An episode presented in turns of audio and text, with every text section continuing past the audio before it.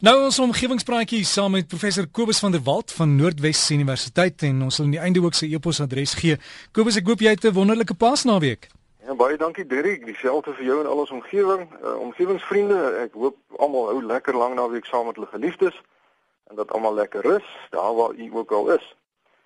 Nou Dirk, omdat ons nou midde in die Paasfees is, uh, het ek besluit ek wil vanoggend graag begin met 'n bespreking oor die verband tussen die maan en Paasfees. Uh want dis nogal 'n interessante ding. Nou eerstens is die datum waarop ons Christene Paasfees vier natuurlik nie elke jaar dieselfde nie.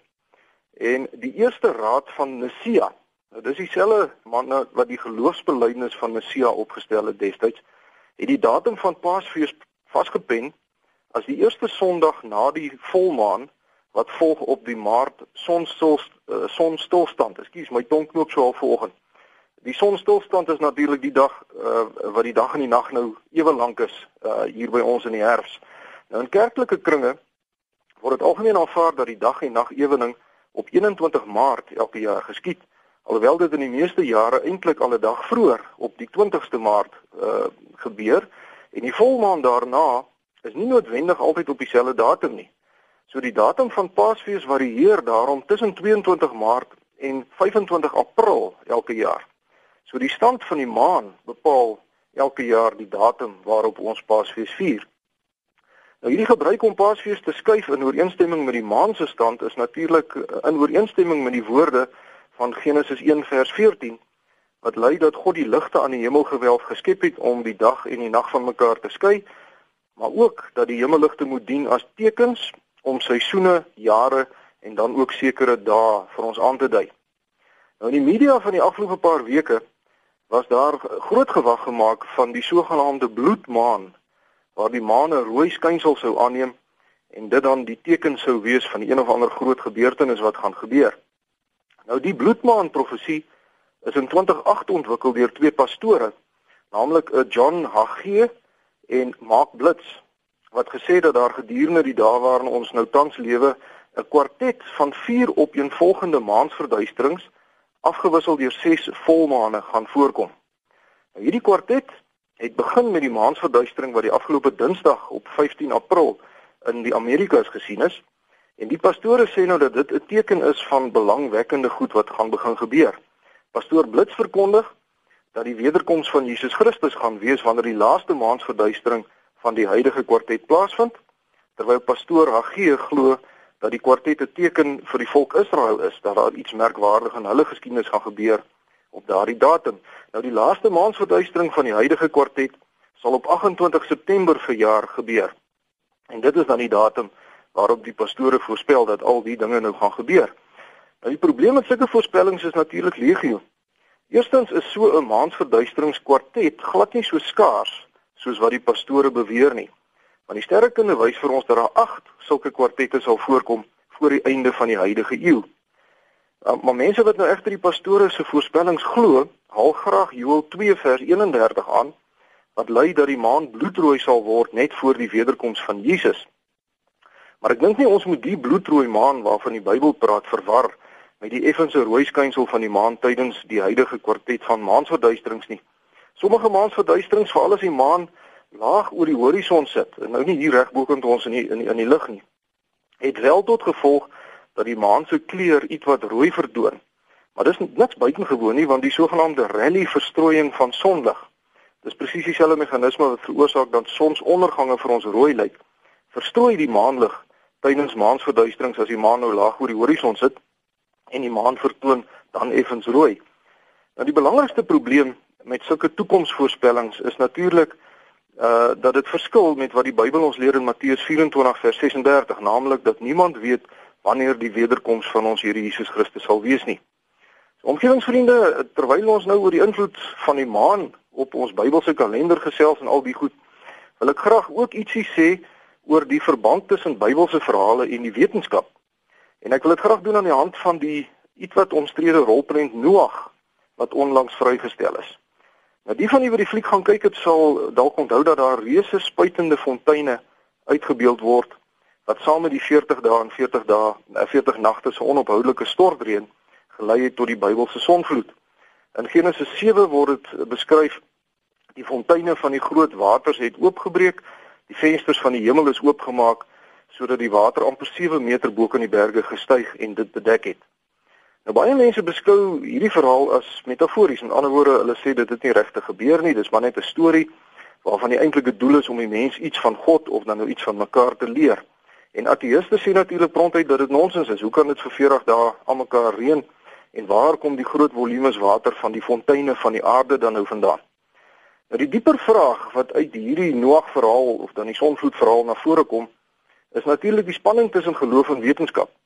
Moet mens die Bybel absoluut letterlik vertolk of leer natuurwetenskaplike dissiplines soos geologie ons dat geloof maar net 'n filosofiese raamwerk is wat goeie samelewings en interpersoonlike verhoudings propageer? Is gelowiges dus naïef as hulle sulke Bybelse verhale soos die sonvloed glo? Nou 'n mens moet versigtig wees om vinnige gevolgtrekkings oor hierdie tipe sake te maak en ek het so bietjie gaan gesels met van my vriende wat hier in die teologiese skool van die Pik werk. Uh professor François Viljoen, uh, Dr. Chris van der Walt en dan ook met my dominee Dominee Fanie Kutse.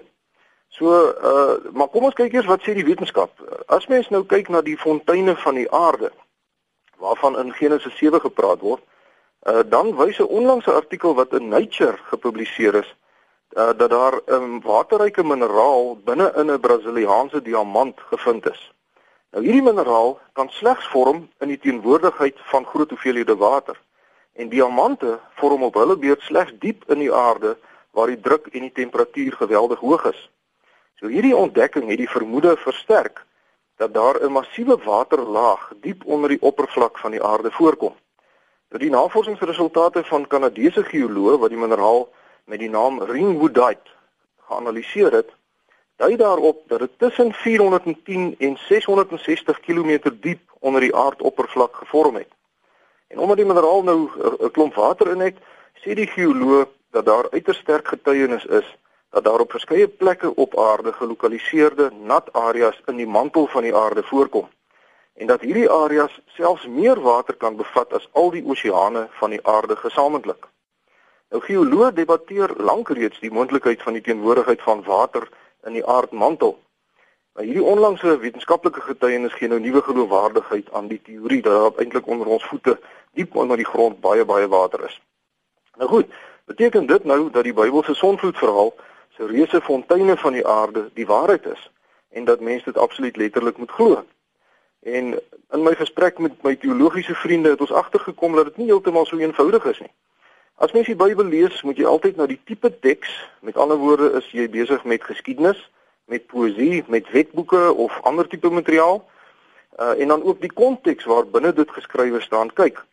En dan moet mens ook na die omstandighede van die mense vir wie dit aanvanklik geskryf is kyk en dan ook jou hedendaagse situasie in gedagte hou. So as mens nou na dit alles kyk, kan jy begin om die uiteindelike vraag te beantwoord en dit is wat is God se doel met die betrokke skrifgedeelte? En vir 'n Christen is die Bybel die besondere openbaring van God en die natuur is die algemene openbaring van presies dieselfde God. So die mense kennis oor die Bybel as ook ons kennis oor die natuur is voortdurend besig om verder te ontwikkel en toe te neem. En daarom, en dit is my persoonlike oortuiging, as daar oënskynlike teenstrydighede blyk te wees tussen geloof en wetenskap, dan is dit my oortuiging dat die rede daarvoor bloot is omdat ons of die Bybel of die wetenskap nog nie goed genoeg verstaan nie. Nou hiermee propageer ek nie 'n tipe God of the gaps benadering nie, waar mense nou God as 'n uh, gerieflike plekhouer gebruik totdat die wetenskap eendag alles sal, sal verstaan en die konsep van 'n God wat bonatuurlike wonderwerke kan doen onnodig sal maak nie. Maar ek glo dat die Bybel en die natuurwetenskap mekaar voortdurend aanvul en verryk omdat geloof en wetenskap twee verskillende kante van presies dieselfde muntstuk is. Daarom kan Christene hulle self met volle oorgawe verdiep in die wetenskap sonder om in geloofskrisisse verstrengel te raak as die geologie byvoorbeeld vir ons leer dat die aarde miljoene jaar oud is. Dit is geen geloofskrisis nie, want eendag sal ons alles weet. En daarmee Dirk, wil ek graag al ons Christen omgewingsvriende 'n baie geseënde Paasfees toewens en dat ons opnuut in hierdie dae onsself sal verheug in die wete dat ons verlosser lewe en regeer. Ons omgewingsvriende is baie welkom om vir my te skryf.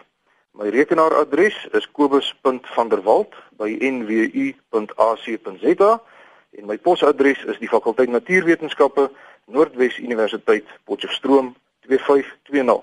Vriendelike groete tot 'n volgende keer.